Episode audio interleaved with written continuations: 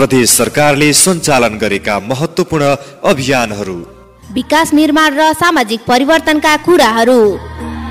जनचेतना वृद्धि गर्ने जानकारीमूलक र सूचनाहरू लुम्बिनी प्रदेशका सम्पूर्ण रेडियोहरूमा एकै साथ। जनता र प्रदेशलाई जोड्ने एउटै थलो। यो हो कार्यक्रम जनतासँग प्रदेश सरकार।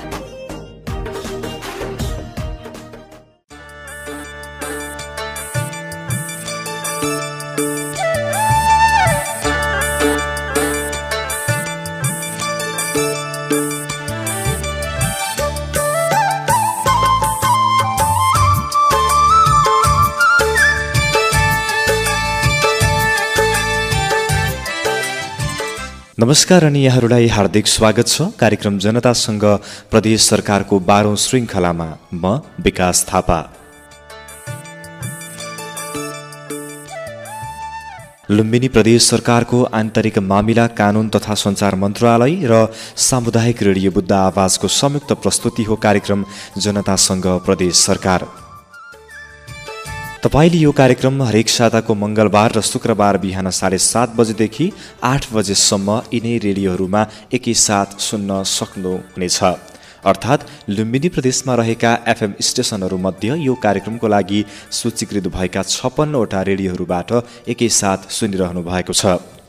समृद्ध लुम्बिनी आत्मनिर्भर प्रदेशको नारालाई तय गर्दै अगाडि बढेको लुम्बिनी प्रदेश सरकारका खास गरी नीतिगत व्यवस्था प्रदेश सरकारका प्राथमिकतामा परेका योजना विकास निर्माणका काम लुम्बिनी प्रदेशवासीका अपेक्षा सुशासन पारदर्शिता र सङ्घीयता लगायतका उपलब्धिका विषयमा हामी यस कार्यक्रममा छलफल गर्दै जानेछौँ। विशेषतः हामी कार्यक्रममा रहेर जनताका कुरा प्रदेश सरकार समक्ष र प्रदेशका कुरा जनता समक्ष हामी प्रस्तुत गर्दै आइरहेका छौँ। आजको कार्यक्रमको बाह्रौँ श्रृङ्खलामा रहेर हामी लुम्बिनी प्रदेशका सभामुख तुलाराम घरती मगर ज्यूको विशेष कुराकानी गर्नेछौँ। अर्थात् उहाँको शिक्षकदेखि लुम्बिनी प्रदेश सभाको सभामुखसम्मको यात्राको बारेमा पनि हामी कुराकानी गर्नेछौँ र समग्र प्रदेश सभाका कुराकानी गर्नेछौँ प्रदेश सरकारको कुराकानी गर्नेछौँ र सभामुखले निभाउँदै आउनुभएको भूमिकाका बारेमा पनि आज हामी उहाँसँग उहाँको आवाजलाई यस कार्यक्रममा समेट्नेछौँ। माओवादी केन्द्रबाट प्रदेश सभा सदस्यमा निर्वाचित तुलाराम घरती मगर लुम्बिनी प्रदेशको दोस्रो सभामुख हुने अवसर पाउनु भएको छ। दुई हजार पच्चिस साल साउन पाँच गते रोल्पा नगरपालिका तिनमा जन्मनुभएका घरती माओवादी जनयुद्धमा बसन्त उपनामले चिनिनुहुन्थ्यो। घरती दुई हजार बयालिसमा सपरिवार बसाइसराई गरी कपिल वस्तुको शिवराज नगरपालिका वडा नम्बर नौमा बसाइसराई आए पनि दुई हजार अडसठी सालदेखि भने पाल्पामा बसोबास गर्दै आउनु भएको छ। सभामुख तुलाराम घरती मगरले जनयुद्ध जनआन्दोलन र मधेस आन्दोलनसहित विभिन्न पहिचानका आन्दोलनहरूबाट प्राप्त सङ्घीय लोकतान्त्रिक गणतन्त्रात्मक राज्य प्रणाली र संविधानको रक्षा एवं विकास आजको ऐतिहासिक आवश्यकता भएको बताउँदै यो अभिभारा पुरा गर्न सबैको उत्तिकै भूमिका जरुरत रहेको पनि उहाँले बताउँदै आउनु भएको छ म सानैदेखि नै म अलिकति समाजको कहीँ न कहीँ विकृति विसङ्गतिको विपक्षमै हुन्थेँ म चाहिँ। समाजमा विभेदहरू हुन्थे समाजमा असमानताहरू हुन्थे समाजमा केही न केही समस्याहरू हुन्थे जो गरिबहरू अलिक दुखीहरू असहायहरू अलिक चाहिँ अपमानित भएको अनुभूति गरिरहेका हुन्थे। त्यो बेलामा बोलिदिने मान्छे कोही हुने थिएनन्। त्यसले गर्दा म अलिक सचेत नागरिकको हैसियतले मैले चाहिँ अन्यायको विरुद्धमा अलि सङ्घर्ष गरेँ। गर्दा गर्दा गर्दा गर्दा कर्मश जाँदा जाँदा मेरो राजनीतिक दर्शनसँग मिल्यो। मेरो आफ्नो मेरो विचार कुनै राजनीतिक दर्शनसँग मिल्यो। मिल्दाखेरि म अगाडि बढेँ। मूल रूपमा हेर्दाखेरि राजनीतिक जीवनको मुख्य उद्देश्य भनेको जनताको सेवा समाजको सेवा राष्ट्रको सेवा हो। मलाई यहाँसम्म आउँदा अनुभूति कस्तो हुन्छ भने मेरो राजनीतिक जीवनको इतिहासमा एउटा ऐतिहासिक र युगान्तकारी एउटा महत्त्वको र चुनौतीपूर्ण अभिभार थपिएको भन्ने मलाई महसुस भएको छ। किनभने म एउटा राजनीतिक जीवनबाट फेरि अर्को स्वतन्त्र तटस्थताको चाहिँ एउटा भूमिकामा म यो ठाउँमा आइपुगेँ। एउटा महत्त्वपूर्ण एउटा चाहिँ प्रदेश सभाको सभामुख अथवा सतासीजना मान्य सदस्यज्यूहरूको एउटा अभिभावकको रूपमा म रहने जो अभिभावक अहिले यो ठाउँमा म आइपुगेँ।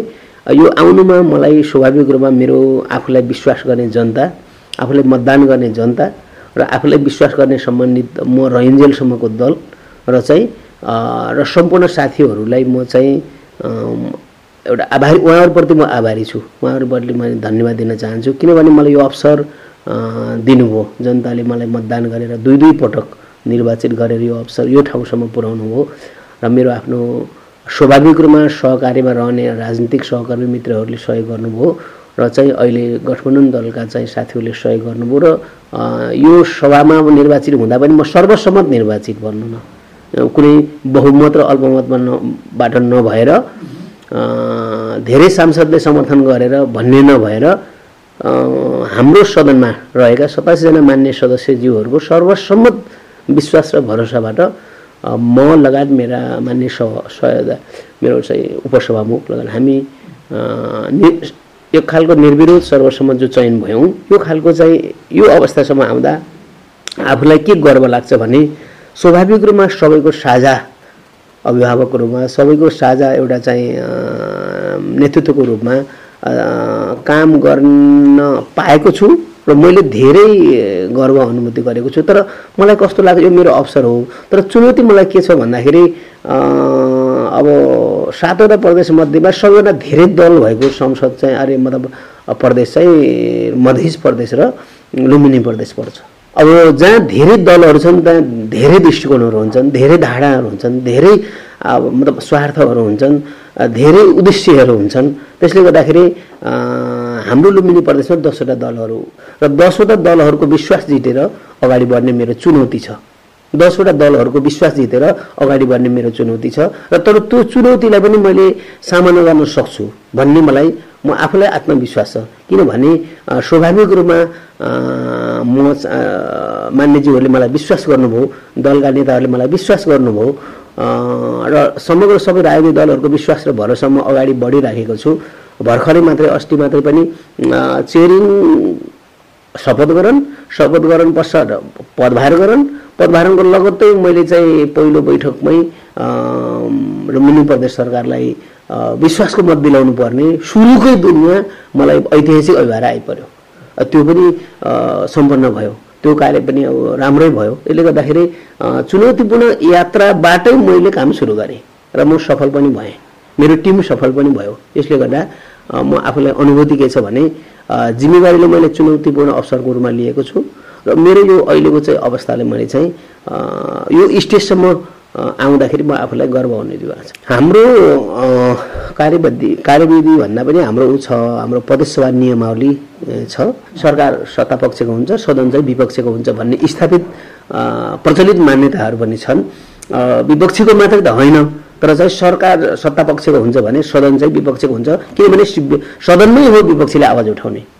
सरकारको विरुद्धमा सरकारको खरा खराब काम कारवाहीको विरुद्धमा जबरजस्त जनताको आवाज उठाउने कहाँ हो भन्दा सदनमै हो। यो प्रदेश सभा भनेको सदन हो जनताद्वारा निर्वाचित जनप्रतिनिधिको चाहिँ सदन हो। त्यसले गर्दाखेरि यहाँ उठाउनुपर्छ भन्ने जो मान्यता छ त्यसमा पनि हामी विपक्षी दलहरूलाई पनि सम्मान गर्ने गरी विपक्षी विचारहरूलाई पनि सम्मान गर्ने गरी उहाँहरूको विचारलाई पनि सदनमा घनीभूत ढङ्गले चाहिँ मुखरित गर- गर्ने अवसर दिने गरी हामीले चाहिँ अबको सदनलाई व्यवस्थित तरिकाले अगाडि बढाउँछौँ भन्ने लाग्छ। म आफूलाई विश्वास छ सकिन्छ लान सकिन्छ किनकि दलहरू सुविध तरिकाले आउनु भएको छ। नयाँ पुस्ताका साथीहरू पनि फेरि आउनु भएको छ नयाँ नयाँ युवा नेतृत्वहरू पनि विकास भएको छ। मलाई लाग्छ पुरानोको अनुभव होइन नयाँको स्पिरिटलाई हामी संविधान गरियो भने सदनलाई परिपक्वता तरिका लान सकिन्छ। मेरो मान्य सभा उपसभामुखजी हुनुहुन्छ। उहाँ पनि एउटा राजनीतिक पृष्ठभूमिबाट राम्रो तरिकाले एउटा चाहिँ परिपक्वताको बिचबाट समाजसेवाबाट आउनुभएको छ। सचिवज्यू पनि अब पाँच वर्ष उहाँले राम्रै अनुभव गर्नुभएको छ। टिम पनि सबै पुरानै छ। त्यसले गर्दाखेरि मलाई लाग्छ सदनमा दलहरू पनि अधिकांश हाम्रो सतासीजना सांसद मध्येमा बिसजना सांसद त फेरि अहिले फेरि पुरानै आउनुभएको छ। पुरानै नेताहरूको नै करिब करिब अनुभव प्राप्त दस बिसजना मान्यजीहरू हुनुहुन्छ उहाँहरूसँगै बसेर पनि राम्रोसँग सहकार्य गर्न सकिन्छ। र मान्य मुख्यमन्त्रीज्यू हुनुहुन्छ। पहिले नै पूर्व मन्त्री भइसक्नु भएको र एक खालको चाहिँ एउटा परिपक्व व्यक्तित्व नै हुनुहुन्छ। यसले गर्दाखेरि पनि मतलब सरकारसँगको सम्बन्ध संसदको सम्बन्ध सरकारसँग राम्रै हुन्छ सुन्दर हुन्छ जस्तो लाग्छ। यस्तो हुन्छ। त्यो त अब सबभन्दा मुख्य कुरा के हुन्छ भने अब राजनीतिक दलहरू पनि परिपक्वतै हुनु परिपक्वता हासिल गरेरै आउनु भएको छ। जनताद्वारा निर्वाचित नेताहरूकै अब टिम हो त्यो। त्यसले गर्दाखेरि उहाँहरूले आफ्नो दलको मतलब परिपक्व व्यक्तित्व परिपक्व व्यक्तित्व नै हुनुहुन्छ त्यो नै हुनु। सरकार सत्तापक्षको हुन्छ सदन चाहिँ विपक्षको हुन्छ भन्ने स्थापित प्रचलित मान्यताहरू पनि छन्। विपक्षीको मात्रै त होइन तर चाहिँ सरकार सत्ता पक्षको हुन्छ भने सदन चाहिँ विपक्षको हुन्छ किनभने सदनमै हो विपक्षीले आवाज उठाउने। सरकारको विरुद्धमा सरकारको खरा खराब काम कारवाहीको विरुद्धमा जबरजस्त जनताको आवाज उठाउने कहाँ हो भन्दा सदनमै हो। यो प्रदेश सभा भनेको सदन हो जनताद्वारा निर्वाचित जनप्रतिनिधिको चाहिँ सदन हो। त्यसले गर्दाखेरि यहाँ उठाउनुपर्छ भन्ने जो मान्यता छ त्यसमा पनि हामी विपक्षी दलहरूलाई पनि सम्मान गर्ने गरी विपक्षी विचारहरूलाई पनि सम्मान गर्ने गरी उहाँहरूको विचारलाई पनि सदनमा घनीभूत ढङ्गले चाहिँ मुखरित गर- गर्ने अवसर दिने गरी हामीले चाहिँ अबको सदनलाई व्यवस्थित तरिकाले अगाडि बढाउँछौँ भन्ने लाग्छ। म आफूलाई विश्वास छ सकिन्छ लान सकिन्छ किनकि दलहरू सुविध तरिकाले आउनु भएको छ। नयाँ पुस्ताका साथीहरू पनि फेरि आउनु भएको छ नयाँ नयाँ युवा नेतृत्वहरू पनि विकास भएको छ। मलाई लाग्छ पुरानोको अनुभव होइन नयाँको स्पिरिटलाई हामी संवेदन गरियो भने सदनलाई परिपक्वता तरिका लान सकिन्छ। मेरो मान्य सभा उपसभामुजी हुनुहुन्छ। उहाँ पनि एउटा राजनीतिक पृष्ठभूमिबाट राम्रो तरिकाले एउटा चाहिँ परिपक्वताको बिचबाट समाजसेवाबाट आउनुभएको छ। सचिवज्यू पनि अब पाँच वर्ष उहाँले राम्रै अनुभव गर्नुभएको छ। टिम पनि सबै पुरानै छ। त्यसले गर्दाखेरि मलाई लाग्छ सदनमा दलहरू पनि अधिकांश हाम्रो सतासीजना सांसद मध्येमा बिसजना सांसद त फेरि अहिले फेरि पुरानै आउनुभएको छ। पुरानै नेताहरूको नै करिब करिब अनुभव प्राप्त दस बिसजना मान्यजीहरू हुनुहुन्छ उहाँहरूसँगै बसेर पनि राम्रोसँग सहकार्य गर्न सकिन्छ। र मान्य मुख्यमन्त्रीज्यू हुनुहुन्छ। पहिले नै पूर्व मन्त्री भइसक्नु भएको र एक खालको चाहिँ एउटा परिपक्व व्यक्तित्व नै हुनुहुन्छ। यसले गर्दाखेरि पनि मतलब सरकारसँगको सम्बन्ध संसदको सम्बन्ध सरकारसँग राम्रै हुन्छ सुन्दर हुन्छ जस्तो लाग्छ। यस्तो त्यो त अब सबभन्दा मुख्य कुरा के हुन्छ भने अब राजनीतिक दलहरू पनि परिपक्वतै हुनु परिपक्वता हासिल गरेरै आउनु भएको छ। जनताद्वारा निर्वाचित नेताहरूकै अब टिम हो त्यो। त्यसले गर्दाखेरि उहाँहरूले आफ्नो दलको मतलाई दर्ज गर्ने विषय हुन्छ सदनमा। आफ्नो दलको मतलाई सदनमा दर्ज गर्नको निम्ति प्रक्रियाहरू हुन्छ। विधिहरू हुन्छ प्रश्न राख्ने कुराहरू हुन्छन् समय हुन्छन् त्यसमा सुन्ने समय हुन्छ विशेष समय हुन्छ। विशिष्ट अवस्थामा बोलिने विषयहरू हुन्छन् कुनै दललाई विशेष आफ्नो चाहिँ धारणा राख्नुपर्ने हुन्छ। यो सबै हाम्रो नियमावलीभित्रै पर्छन्। त्यस कारण मान्यजीहरूले दलहरूले आफ्नो विचार राख्नको निमित्त सदनमा आफ्नो विचार मुखरित गर्नको निमित्त सरकारको विरुद्धमा सघन बहस छलफल गराउनको निमित्त हामी चाहिँ कानुनी व्यवस्था छ नियमावलीमा व्यवस्था छ। त्यस कारण यिनी सबै कुराहरू भइसकेपछि स्वाभाविक रूपमा उहाँहरूको सन्तुष्टि हुन्छ। उहाँहरू कुन तरिकाले जस्तै उहाँहरूले कहिले कसो हदै गर्नु गर्ने हुन्छ सदन अवरुद्ध गर्ने कुराहरू हुन्छन्। सदन अवरुद्धता पनि कस्तो हुन्छ भने त्यो एउटा प्रक्रियामा हुन्छ। सदन अवरुद्ध गर्ने भन्ने खालको कुरा चाहिँ अब सदन चल्नै नदिने भन्ने पनि हामीले विगतमा हामीले अनुभव गर्न पाइयो। अनुभूति गर्न पाइयो। सदन कसरी चल्छ सदन कसरी अवरुद्ध हुन्छ अवरुद्ध होइन सबै सबै छ। सङ्घदेखि लिएर प्रदेशसम्म हामी आफैले पनि लुम्बिनी प्रदेशमा चाहिँ अवरुद्धताको अभ्यास र अनुभूति पनि हामी पनि गऱ्यौँ होइन? त्यसले गर्दा सदन अवरुद्ध भन्ने कुरा के हो एउटा राष्ट्रिय प्रश्नमा हुन्छ।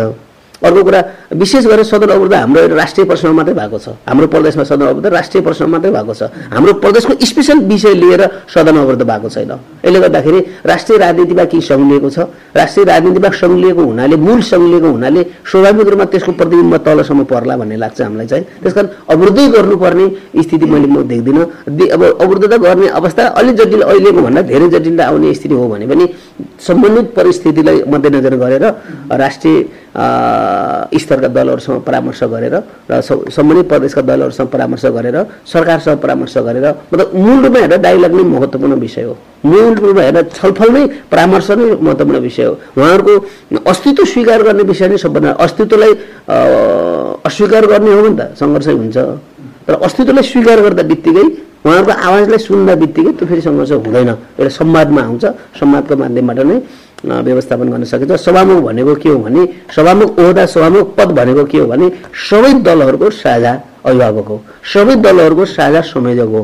सबै दलहरूलाई समन्वय गर्ने हरेक दलको गुनासोहरू सुन्ने हरेक दलका उजुरीहरू सुन्ने त्यसलाई व्यवस्थापन गर्ने पद भएको हुनाले जिम्मेवारी भएको हुनाले म त्यो चुनौतीपूर्ण चाहिँ एउटा चाहिँ एउटा यात्रा अवसरलाई मैले चाहिँ स्वाभाविक रूपमा सामना गर्न सकिन्छ र सक्छु भन्ने लाग्छ। पहिलो कुरो यस्तो छ प्रदेश एउटा चुनौती नै छ किनभने सङ्घीयताको सबभन्दा महत्त्वपूर्ण विषय भनेको प्रदेश संरचना हो। किनभने प्रदेश संरचना भनेको सङ्घीय शासन प्रणालीको भन्दा अगाडि पनि त्यस्तो संरचना थिएनन्। प्रदेशको कुनै संरचना थिएन।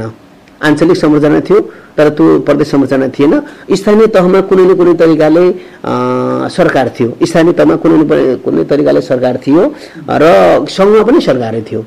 अहिले तिन तहको सरकार मध्येमा स्थानीय गाविस स्तरको थियो सङ्घमा सङ्घ छुट्टै थियो एकात्मकै थियो। तर प्रदेश संरचना भनेको के थियो भने जिरोबाट सुरु गरियो। प्रदेश संरचना जिरोबाट सुरु गरेको हुनाले अलिकति प्रदेशमाथि चुनौतीहरू छन्। सङ्घीयतामाथि चुनौती भनेको प्रदेशमाथिको चुनौती हो।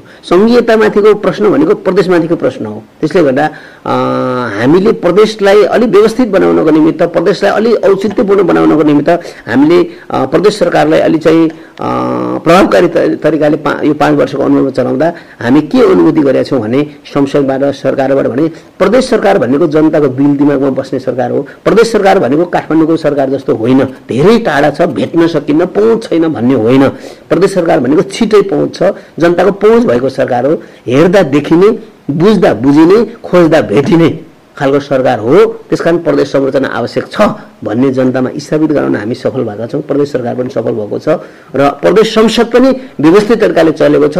मलाई लाग्छ सातवटा प्रदेशहरूमा सबै प्रदेशहरूले आफ्ना आफ्ना चुनौती पार गरेका छन् आफ्ना आफ्ना अनुभव अभ्यासहरूको चुनौती पार गरेका छन् र यो हाम्रो लुम्बिनी प्रदेशले पनि धेरै आरोह अवरोहहरू पार गरेर प्रदेश सभाले चाहिँ अभ्यास र अनुभूति गरेर यहाँसम्म आएको हुनाले मलाई लाग्छ हाम्रो प्रदेशलाई प्रदेशको औचित्य पुष्टि गर्नको निमित्त पनि सामाजिक बनोत्तर विषयताको आधारमा हेर्दाखेरि पनि यहाँ चाहिँ थारू बाहुल्य छ यहाँ मगर बाहुल्य छ यहाँ खसारे बाहुल्य छ यहाँ मधेसीहरू छन् अन्य छन् गरेर सबैको हेर्दा संयोजन हेर्दाखेरि एक खालको समाजको संरचना पनि सङ्घीय प्रकारको छ क्या समाजको संरचना पनि दक्षिणतिर हेर्दा ता थारू र मधेसीहरूको चाहिँ एउटा संस्कार जस्तो पहाडतिर हेर्दा चाहिँ मगर र चाहिँ खसारेहरूको प्रभाव जस्तो दलित समुदायको यसरी हेर्दा नेपाली समाज आफैमा सङ्घीय समाज छ। हाम्रो लुम्बिनी प्रदेश एक खालको मिनी नेपाल जस्तो नै छ। त्यसले गर्दाखेरि अब भूगोलको हिसाबले हेर्नु त भूबनोटको हिसाबले हेर्नु भने हिमाल पनि हाम्रै प्रदेशमा छ अनि तराई पनि हाम्रै प्रदेशमा छ। यसरी हेर्दाखेरि तराईदेखि भित्री मधेस हुँदै भित्री तराई हुँदै पहाड हुँदै हिमालसँग संरचना हेर्दाखेरि हाम्रो प्रदेशमा चाहिँ जातीय हिसाबले पनि समावेशी छ र चाहिँ भौगोलिक हिसाबले पनि समावेशी छ र एक प्रकारको सिङ्गो नेपालको भान हुने मिनी नेपालको अनुभूति हुने हुनाले हामीले हाम्रो प्रदेशलाई व्यवस्थित रूपमा लान सकिन्छ र प्रदेशको औचित्य पुष्टि गरेरै अगाडि बढाउन सकिन्छ र प्रदेश त्यसको निमित्त हामीले आवश्यक कानुन निर्माण गरेर आवश्यक निकासहरू खोलेर सरकारलाई चाहिँ सफल बनाउनको निमित्त संसदको तर्फबाट मतलब विधायिकाको तर्फबाट हामी सफल हुन सक्छौँ भन्ने विश्वास छ। अब विशेष गरेर लुम्बिनी प्रदेशमा अहिले हामी चुनौतीपूर्ण चाहिँ ठाउँमा छौँ यो नयाँ राजधानीमा छौँ। किनकि हामी चाहिँ अब आजभन्दा दुई ढाई वर्ष अगाडि हाम्रो संसदले नै दुई तिहाई बहुमतबाट पारित गरेर लुम्बिनी प्रदेश सभाको जो बैठकबाट हामी आफै पनि त्यो बेला हामी थियौँ। दुई तिहाई बहुमतले पारित गरिसकेपछि स्वाभाविक रूपमा थाई राजधानी देउखरीमा राख्ने यो राप्ती किनारमा राख्ने र चाहिँ त्यसको नामाकरण लुम्बिनी प्रदेश बनाउने लुम्बिनी बनाउने अरू माग पनि आएका थिए लुम्बिनी प्रदेश बनाउने राजधानी दाङ बनाउने भन्ने जो सर्वसम्मत दुई तिहाईले पारित गरिसकेपछि कार्यान्वयनको प्रक्रियामा अहिलेको सरकारले यहाँ चाहिँ राजधानी सारेको छ। यहाँ अलिकति चुनौती छन्। संरचनाहरू बनेका छैनन्। संरचना बनाउनु पर्छ। अ, मतलब सेवा सुविधाको बारेमा केही जटिलताहरू छन्। सेवा सुविधाको बारेमा पनि अब त्यसको चाहिँ अब आवश्यक कानुनहरू निर्माण गर्ने।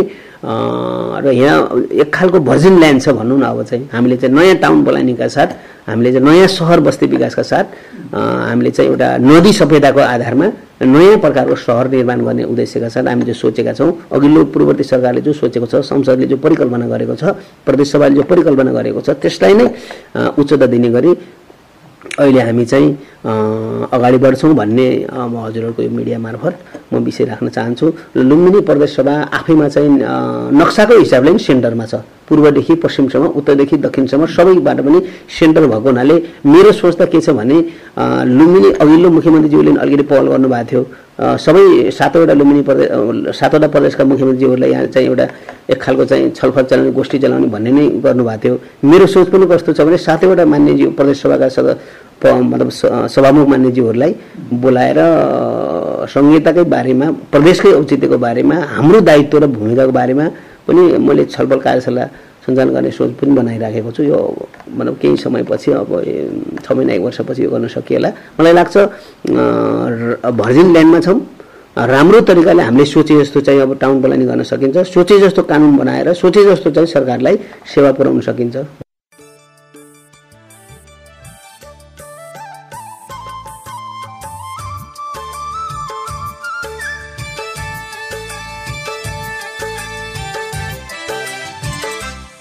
उहाँ हुनुहुन्थ्यो लुम्बिनी प्रदेशका सभामुख तुलराम घरती मगर। लुम्बिनी प्रदेशको समग्र विकासको कुरा अवसरको कुरा चुनौतीको कुराको बारेमा जानकारी गराउनु भएको थियो। उहाँलाई धेरै धेरै धन्यवाद छ। जनतासँग प्रदेश सरकार कार्यक्रममा प्रदेश सरकारले सञ्चालन गरेका महत्त्वपूर्ण अभियान विकास निर्माण सामाजिक परिवर्तनका कुराहरू र जानकारीमूलक र सूचनामूलक विषयवस्तुसँग सम्बन्धित खोजमूलक रिपोर्ट अन्तर्वार्ता परिसंवाद जस्ता कुराहरूलाई कार्यक्रममा समेट्दै आइरहेका छौँ।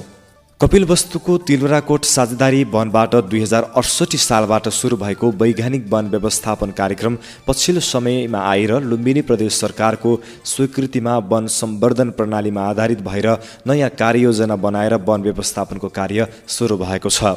यसअघि कपिलवस्तुसहित देशभर साढे दुई वर्षसम्म वन व्यवस्थापनको कार्ययोजना सुरु हुन नसक्दा विगतका वर्षमा अरबौँ रुपियाँ राजस्व घाटा हुनुका साथै उपभोक्ताले सहज रूपमा काठ दाउरा नपाउनुका अतिरिक्त स्थानीयको रोजगारी समेत गुमेको थियो। एक रिपोर्ट सहकर्मी सरिता थारूबाट।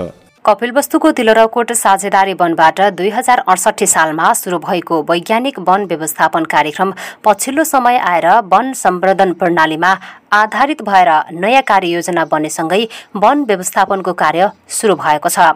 सरकारले विगत ढाई वर्षदेखि कैलाली कञ्चनपुरका जिल्लामा वन फडानी भएको बताउँदै वैज्ञानिक वन व्यवस्थापनको कार्यक्रम रोकेको थियो। तर पछिल्लो समय नयाँ कार्ययोजना बनेसँगै वन सम्वर्धन प्रणालीमा आधारित रहेर वन व्यवस्थापनको कार्यक्रम लागू भएको छ।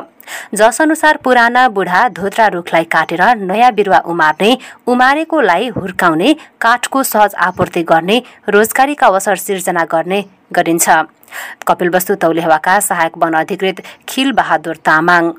र ज्याला मजदुर वासुदेव अधिकारी। अहिलेको स्वीकृत वन सम्वर्धन प्रणालीमा आधारित वन कार्ययोजनाको यो वर्ष गरिने वन व्यवस्थापन कार्य मध्येमा पुनरुत्पादन कटान क्षेत्रमा हामी छौँ र यहाँ चाहिँ अहिले हामीले यो वर्ष कटान गरिने रुखहरू काटिसकेको छ र अहिले कटान गरेर उत्पादन भएको गोलिया काठको चाहिँ हामीले यहीँ नै कम्प्युटरमा नै प्रविष्ट यहीँ नै प्रविष्ट गर्छौँ र यो डाटा यो डाटा यहाँ प्रविष्ट गरेपछि हाम्रो नेटवर्कमा डिस डिभिजनमा समेत पुग्छ र त्यसरी नै हामीले त्यो डाटाको विश्लेषण गरेर काम गर्ने गरेका छौँ। वन जस व्यवस्थापनले अनि यो रुख काट्ने क्रममा हामी जस एक सय जना जति रोजगार पनि पाइराखेको छौँ खुसी लागेको छ। यस्तै अन्त पनि भइराखोस् भन्ने मलाई लाग्छ होइन? सबैले गर्दाखेरि चाहिँ अब रोज बेरोजगारहरूले रोजगार पनि पाउनुहुनेछ अनि मान्छेलाई घर चलाउन पनि सजिलो हुनेछ। आगामी दिनमा कपिलवस्तु लगायत देशभरमा सात सय पैँसठीवटा सामुदायिक एकतिसवटा साझेदारी आठवटा चक्लावनमा वन सम्वर्धन प्रणालीमा आधारित रहेर वन व्यवस्थापन कार्यक्रम सुरु भएको छ। जसले गर्दा वार्षिक बिस लाख क्युफिट काठबाट अस्सी लाख हुँदै नौ करोड क्युफिट उत्पादन गर्ने कार्यक्रमको लक्ष्यसँगै विगतका वर्षमा कपिलवस्तुसहित देशभर वार्षिक झण्डै दस अर्ब बराबरको काठको नोक्सानी हट्ने मात्र नभई वनको बिग्रदो अवस्थामा समेत सुधार आउने वन विज्ञहरूको दावी छ। वन विज्ञ विजय सुवेदी। यहाँले देखिरहनु भएको छ यो वन सम्वर्धन प्रणालीमा आधारित वन व्यवस्थापन भइरहेको छ यहाँ। यो चाहिँ करिब दुई ढाई वर्ष जति रोकिएको थियो र अहिले यो सुचारू भएको छ। यसरी रोकिँदाखेरि वनको अवस्था पनि बिग्रेको थियो। भने करिब दस अरब बराबरको वार्षिक रूपमा हामीले चाहिँ यो निकाल्नुपर्ने चिज ननिकालेर त्यो खेर गइरहेको थियो घाटा लगाइरहेको थियो। कुनै बेला हरियो वन नेपालको धन भन्ने उखानलाई सार्थकता दिन समेत सरकारले अनियमितता गर्नेलाई कारवाहीका साथै राम्रो काम गर्नेलाई पुरस्कृत गरी नयाँ वन सम्वर्धन प्रणालीमा आधारित वन व्यवस्थापन कार्यक्रमलाई दिगो बनाउनु पर्ने उपभोक्ताको माग छ।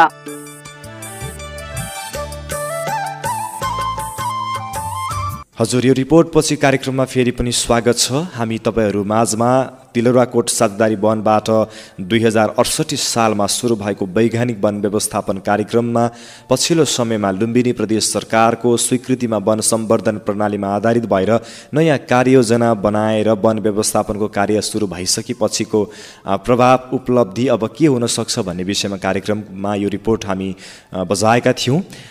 लुम्बिनी प्रदेश सरकारको नीतिगत व्यवस्था नागरिकसम्म र नागरिकहरूको आवाजलाई प्रदेश सरकारसम्म पुर्याउने भूमिका कार्यक्रम जनतासँग प्रदेश सरकार कार्यक्रमले गर्दै जानेछ। अबको क्रममा हामी कार्यक्रममा प्रदेश गतिविधि स्तम्भ प्रस्तुत गर्नेछौँ। यो गतिविधि प्रस्तुत गर्दै हुनुहुन्छ सहकर्मी प्रयास पोखरेल। लुम्बिनी प्रादेशिक अस्पताल भुटबलमा सेवा लिने बिरामीको सङ्ख्यामा वृद्धि भएको छ। पछिल्लो समय अस्पतालको सेवा सुविधामा विस्तार गरिएसँगै बिरामीको सङ्ख्यामा पनि वृद्धि भएको हो। सो अस्पतालका अनुसार गत वर्षसम्म दैनिक सेवा लिने बिरामीको सङ्ख्या सात सयसम्म थियो अहिले दैनिक एक हजार चार सयसम्म रहेको छ। अस्पतालका मेडिकल सुपरिन्टेन्डेन्ट डाक्टर इन्द्र ढकालका अनुसार प्रादेशिक अस्पतालको विशेषज्ञ सेवा थपिँदै जान थालेपछि सेवा लिने बिरामीको सङ्ख्यामा वृद्धि हुँदै गएको हो। अस्पतालले अब निकट भविष्यमै एमबिए एनआइसियु सर्वदंश र अरू सेवा थप गर्ने योजना राखेको छ। एक वर्षमै आइसियु सैयालाई छबाट बढाएर तिसमा पुर्याएको छ भने मुटु रोगीका लागि दस सैयाको छुट्टै वार्ड सञ्चालन गर्न लागेको जनाइएको छ। डाक्टर ढकालले एक वर्षको बिचमै मेडिकल वार्ड उन्नाइस सैयाबाट पैँचालिस पुगेको इमर्जेन्सी बाइसबाट पैँतिस बेडमा पुग्नुका साथै ट्रमा रुम समेत तयार भएको बताउनु भएको छ। डायलाइसिस सेवा पाँच सैयाबाट उन्नाइसमा पुगेको छ। अस्पतालले पाँच सैयाको जलन वार्ड समेत सञ्चालनमा ल्याएको छ। गत वर्ष मात्रै अस्पतालमै प्लास्टिक सर्जरी सेवा सुरु गरेको मेडिकल सुपरिन्टेन्डेन्ट ढकालले बताउनु भएको छ। उहाँले अस्पतालले क्याथ ल्याबको संरचना तयार गरी अब छिट्टै सञ्चालनको प्रक्रियामा रहेको जानकारी दिनुभएको हो। अस्पतालले प्रदेश सरकारको सहयोगमा सिकल सेल र वंशाणुगत रोगको उपचार निशुल्क गर्दै आएको छ। बहिरङ्ग सेवाको टिकट र बेड समेत निशुल्क गरेको छ। उन्नाइस सय सतसठी सालमा स्थापना भएको यो अस्पताललाई लुम्बिनी प्रदेश सरकारले प्रदेशकै गौरवको आयोजनाको रूपमा दस्तले सुविधा सम्पन्न अस्पताल भवन बनाउने योजना राखेको छ। लुम्बिनी प्रदेश सरकारले प्रदेशको स्थायी राजधानी दाङको लालमटिया क्षेत्रमा मन्त्रालयका लागि आवश्यक पूर्वाधार निर्माण सुरु गरेको छ। सरकारको स्थायी संरचना निर्माण प्रक्रिया गुरु योजना विपरीत छ। दुई सय बिघा क्षेत्रफलमा राजधानी रहने गुरु योजनामा उल्लेख भए पनि सरकारले सोह्र बिघा क्षेत्रफलभित्रै स्थायी राजधानी बनाउन लागेको हो। प्रदेश सरकारले दाङको राप्ती उपत्यका देउखुरीमा स्थायी राजधानी तोकेको थियो। राप्ती उपत्यकालाई आधार बनाएर राप्ती नदी किनारमा नदी सभ्यतामा आधारित नमुना सहर बनाउने उद्देश्य सहित स्थायी राजधानी राप्ती उपत्यका तोकिएको हो। सरकारले त्यही उद्देश्य अनुसार झन्डै एक करोड खर्च गरेर नमुना सहरको अवधारणासहित राजधानी निर्माणको गुरु योजना तयार गरेको हो। गुरु योजनामा सरकारका अधिकांश मन्त्रालय र भौतिक संरचना पूर्व पश्चिम राजमार्गबाट उत्तरतर्फ रहने उल्लेख गरिएको छ। गुरु योजनामा भालुवाङ लालमटियादेखि मौरीघाटसम्मको राप्ती नदीलाई आधार बनाएर त्यसको उत्तर दक्षिणतर्फको झन्डै दुई सय बिघा क्षेत्रफलमा लुम्बिनी प्रदेशको स्थायी राजधानी निर्माण गरिने उल्लेख गरिएको छ। तर प्रदेश सरकारले आफ्नै योजना विपरीत राप्ती प्राविधिक शिक्षालयको झन्डै सोह्र बिघा साँगुरो क्षेत्रफलमा भवन निर्माण सुरु गरेको हो। सरकारले स्थानान्तरण गरेको राप्ती प्रावि प्राविधिक शिक्षालयको झन्डै सोह्र बिघा क्षेत्रफलमा मुख्यमन्त्री तथा मन्त्री परिषदको कार्यालयसहित अन्य मन्त्रालय निर्माणको काम सुरु गरेको छ। त्यही क्षेत्रफलभित्र अहिले पनि शिक्षालयका झन्डै डेढ दर्जन भवन रहेका छन्। मुख्यमन्त्रीसहित दसवटा मन्त्रालयका लागि मण्डल आकारमा भवन निर्माण गर्ने गरी सरकारले भ्याट बाहेक तिन अर्ब नौ करोड उनातिस लाख रुपियाँमा शर्मा सगुन जेबी निर्माण कम्पनीसँग सम्झौता गरेर काम सुरु गरेको हो। हजुर यो लुम्बिनी प्रदेशले साताभरि गरेका महत्त्वपूर्ण गतिविधिका साथमा फेरि पनि यहाँलाई स्वागत छ। कार्यक्रम जनतासँग प्रदेश सरकार। कार्यक्रम जनतासँग प्रदेश सरकारको बाह्रौँ श्रृङ्खलामा रहेर हामीले लुम्बिनी प्रदेश सरकारले गरेका साताभरि गरेका महत्त्वपूर्ण गतिविधि अनि वैज्ञानिक वन व्यवस्थापनको यो विशेष रिपोर्ट त्यस लगतै हामी त्योभन्दा अघि हामी सभामुख तुलराम घरती मगरको विशेष कुराकानीका साथमा आज हामीले यो कार्यक्रम बनाएका थियौँ। यो कार्यक्रम आजको लागि यति नै। तपाईँले अर्को श्रृङ्खला तेह्रौँ श्रृङ्खलामा नयाँ विषयवस्तुका साथमा कार्यक्रम जनतासँग प्रदेश सरकार सुन्न पाउनुहुनेछ। विदा हुँदै गर्दा एउटा महत्त्वपूर्ण सामाजिक सन्देश पनि यस कार्यक्रममा जोड्छौँ। अबको क्रममा।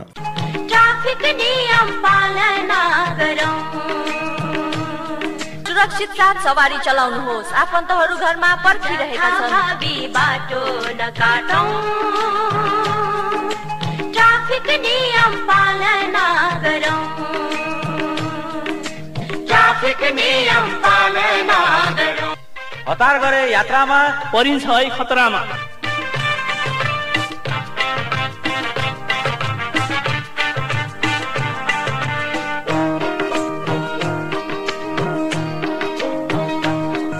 हतारमा आफ्नो अमूल्य जीवन नगुमाउनुहोस्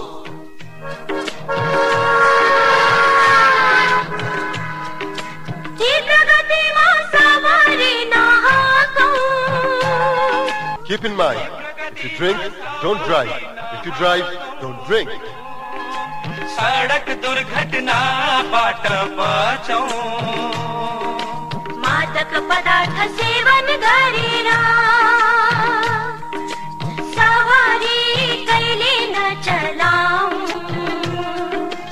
वा ढोकामा यात्रु राखी सवारी नचलाउनुहोस्। ट्राफिक नियम पालना गरौँ।